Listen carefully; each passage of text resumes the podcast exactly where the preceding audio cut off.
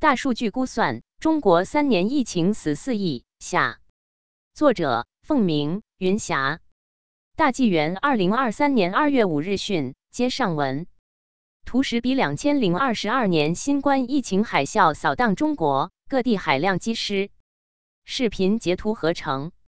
上篇以二零二二年一至二月份全国手机号锐减同比、环比双号分析之后，估算出全国疫情减员。又对上海公安大数据样本做了多方验证，证明为真。进而剖析九点七亿行身份信息，算出二零二零年初至二零二二年七月，疫情已减员三亿人。延续的减员未见尾声，全国疫情骤起陡重，各地火化暴增。本篇继续以破案思维追寻线索，以大数据揭开真相。六二零二二年七至十一月，疫情再减员。疫情持续。上篇以上海公安数据库的九点七亿行身份证数据计算出，至二零二二年七月初，人口比官宣的十四点一二亿少了二点九八亿，不含逝者占位。疫情减员自二零二零年一月至此时三十个月，减员月平均二点九八亿，三十月等于九九三点三万月，不含逝者占位。这样。从二零二二年七月初至十二月初五个月继续减员，九百九十三点三万乘五等于零点四百九十七亿人，不含逝者占位。二零二零年初至二零二二年十二月初，共死亡二点九八加零点四九七等于三点四十八亿人，不含逝者占位。注意，这个数字是在上海九点七亿行身份信息基础上推算出来的减员，是自然死亡和自然出生基础上的，因此不包括自然死亡人口。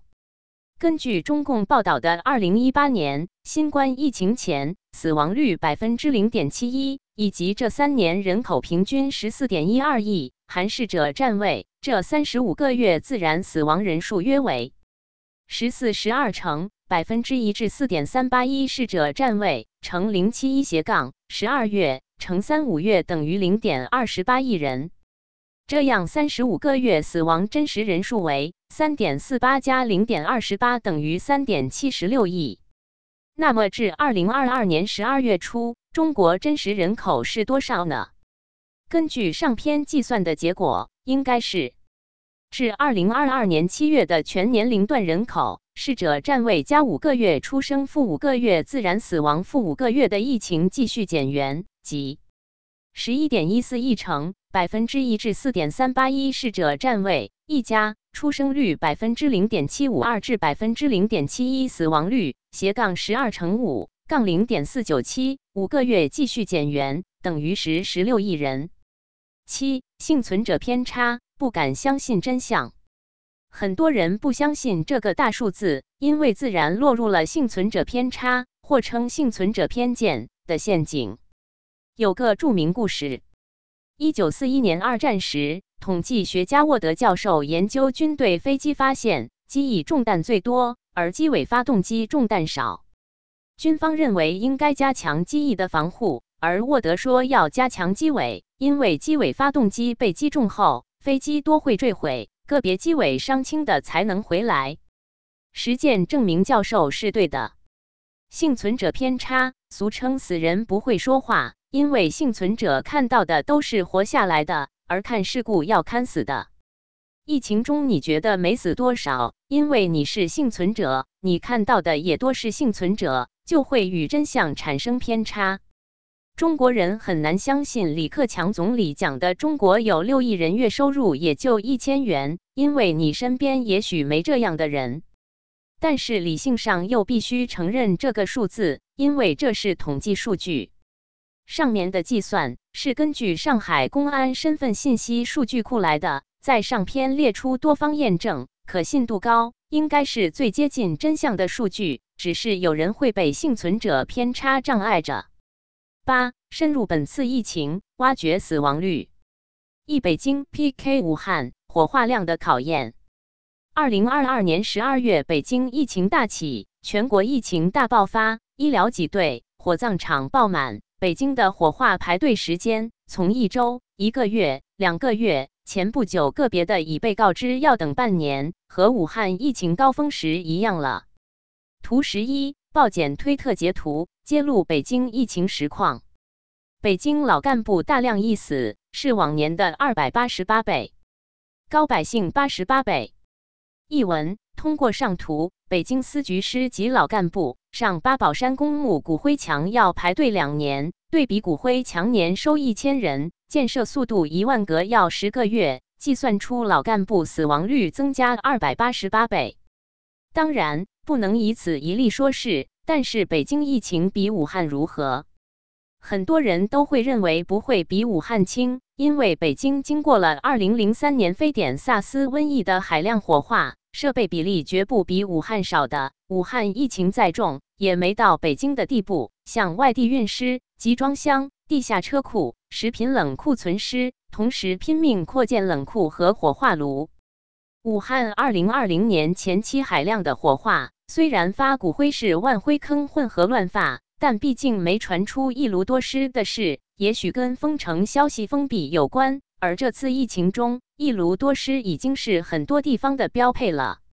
图十二，上海最近辟谣一炉多尸，可是火化数字露了马脚。通常一炉一小时烧一具，一天最多烧十一具，烧完要冷却，不然炉会烧坏。而宝山一炉一天烧三十三具，基本是一炉二至三尸的样子。我们还是以低线估算，假设北京没有出现一炉多尸的套路，火化比例上，北京与当年的武汉疫情高峰相当，然后对此进行验证。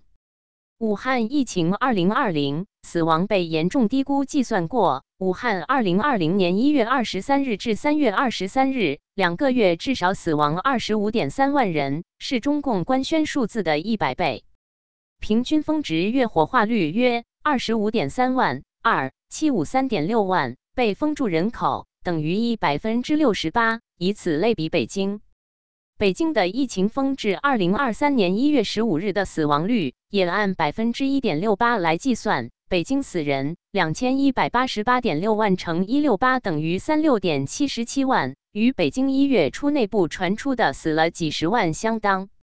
下图新闻采访可以看出，至一月二十六日，北京还有二十万具没有火化，可见上面三十六点七七万没有高估。图十三，北京送尸车大排长龙，至一月二十六日还有二十万遗体待火化。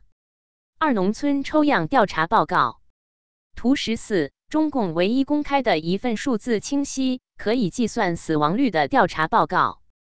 中共一贯报喜不报忧。这唯一报出来的肯定不是最差的。看祁阳农村的死亡率，奥密克戎极强的传播力下二零等于十六。上图疫情高峰时死去的七十九人，不可能没感染，所以七十九人都应判断染疫减寿的，按国际标准也都算染疫死。这样，至一月十五日的死亡率等于七九总人口幺幺九八等于六百分之五十九。农村医疗差，死亡率应该比城市高。这个死亡率是本次疫情的特点，只是有的地方来得及，有的地方缓。三江西彭泽县死亡率，图十五，社交媒体透露的彭泽县火化内部数据。从上图可见，江西彭泽县透露出的内部火化数据：二零二二年十二月六千一百一十七人。要知道。本次疫情感染峰十二月上旬开始，重症和死亡峰在十二月底到次年一月。图十六，本次疫情峰彭泽县死亡人数模型估算，根据二零二零年初全国疫情峰模型建立。根据上图的疫情峰正态分布曲线推算，彭泽县至二零二三年一月十五日的死亡率是前半个峰。按比例，死人数约为六幺幺七加七零四三等于幺三幺六零人，死亡率约为幺三幺六零，二十八万四千七百五十七总人口等于四百分之六十二。注意，这个应该是低线，因为没算土葬人数，土葬在农村很常见。当今全国火葬的比例也就在百分之六十左右。四、武汉黄陂区死亡率。图十七，武汉市黄陂区民政部门内部数据封控开放一个月内死亡数相当于过去一年。图十八，武汉黄陂区统计报告，二零二一年人口和死亡人数。上两图可知，这开放一个月内，以二零二二年十二月七日至一月六日计，如果死亡已相当于去年数量五千八百六十五计，可能有人觉得高估了，那就取中位数，五八六五加五千二等于五四三三人，这个数相当于去年死亡人口五千八百六十五嘛？不相当，所以由此计算的死亡率又是低估。图十九。本次疫情封武汉黄陂区死亡人数模型估算，根据二零二零年初全国疫情封模型建立。此次疫情武汉黄陂区死亡人数如上图估算，根据二零二零年一至三月疫情模型的比例而来。武汉二零二二年十二月七日至二零二三年一月十五日。大体上是前半个峰，死亡人数估算为八千四百五十六人。武汉黄陂常住人口官宣一百二十三点一万，这一个多月的死亡率等于八四五六幺二三点一万等于零百分之六百五十七，低线。九，此次疫情峰的死亡率，一感染峰已过，瘟神全扫过。图二十，北大国发报告，年底全国都经历了感染高峰。上图，北京大学国家发展研究院的报告，在感染率上造假明显，因为北京等大城市已经几乎找不出没感染的了。在百分之九十八点九有症状的前提下，没感染的那零星个体，大概率也是无症状感染者。相比之下，当局全民感染过峰的说法符合实情。既然瘟神已超过全世界三年感染量的神速，一个月内扫过了全国，可以根据此次疫情风的特征死亡率，注意不是致死率、病亡率来计算死亡数了。二、估算特征死亡率。表五，本次疫情风至二零二三年一月十五日的特征死亡率估算。在中共严厉封锁真相的情况下，能挖掘出的统计报告或内部报告的数据，只有上面那些，只能以这四组代表。下面和大数据对比就能看到，百分之三点三九的死亡率并不大。十三年疫情逝去三点九七至四点一零亿，亦以死亡率估算四点一零亿。中国此时的人口。不能以中共造假灌水的十四点二亿人计算了，应当以上篇根据上海公安大数据库九点七亿行信息剖析对比的计算结果，至二零二二年十二月初只有十点一六亿人，剔除逝者占位。二零二二年十二月初至二零二三年一月十五日，死亡十点一六亿乘三三九等于零点三百四十四亿。则二零一九年十二月底至二零二三年一月十五日，死亡三点七六亿加零点三百四十四亿等于四点十亿，低线。二以二零二零年低估三点九七亿。如果你觉得上面的数字大，请回答：此次疫情死人多，还是二零二零年一至三月底全国疫死人多？所有人都会回答：当然是此次死人多。看看此次全国遗体处理就知道了，很多很多城市都自认为能碾压当年的湖北甚至武汉的状况。图二十一，假设二零二零年四月即结束的理想状态下的全国新冠疫情死亡人数模型，那么上篇以手机号大数据骤减估算，二零二零年疫情一至三月封死亡人数对应如上。如果以这个模型的左半个峰代表二零二二年十二月至二零二三年一月十五日的半个峰是死亡两千零七十七万，三点七六亿加二零七七万等于三点九十七亿人，和上文计算的四点一零亿差不多呀。而三点九七亿这个低线低到了不可能，因为本次疫情风扫过全国，远重于二零二零年一至三月的全国疫情，所以。四点一零亿，这个低线是合情合理的。为掩盖疫情减员，中共不得不首次承认人口负增长，再用虚假数字遮掩。十一，胜者的预言与救度，一预言逐一应验。陶天清地覆落沙尘，毒害凡世几亿人。慈悲救度知多少？中原处处添新坟。这是法轮功创始人李洪志先生在《红银二》中的预言诗，公开发表于二零零二年初，如今应验了吧？二零二三年一月十六日，大纪元报道，法轮大法创始人李洪志先生说：“中国疫情三年多来，已经死亡了四亿人，这波疫情结束时会死五亿人。前面四亿的数字，刚开始很多人不信，这回用大数据计算出来。”低线三点九七至四点一零亿人，再不信就是宁愿沉溺幸存者偏见，也不愿相信大数据计算了。前面讲过，计算其实很简单，就是三点七六加零点二十一，低线过低等于三点九十七亿，三点七六加零点三四等于四点十亿，其他都是佐证。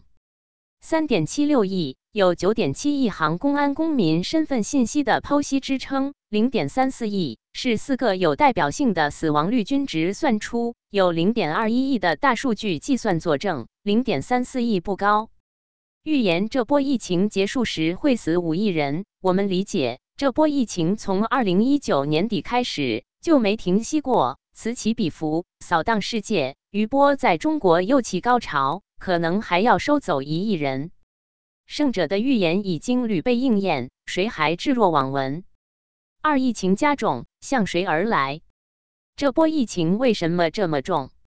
同样的新冠病毒变种奥密克戎，在国外就是百分之九十的无症状，死亡率极低，且主要是老年人。这次回到了中国，就变成百分之九十八点九的有症状、高死亡率，而且中年、青年、儿童都有重症死亡。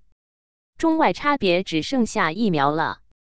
在七千问卷泄露疫苗反作用、曝光疫情加重的元凶一文中，用统计数字说话，计算出中国疫苗有效率杠二十四六杠三三百分之三，疫苗促进感染、促进病症，进而促进重症和死亡。结合历史实例，指出疫苗引发的 A 是疫情被加重增速的元凶，这是科学层面的原因。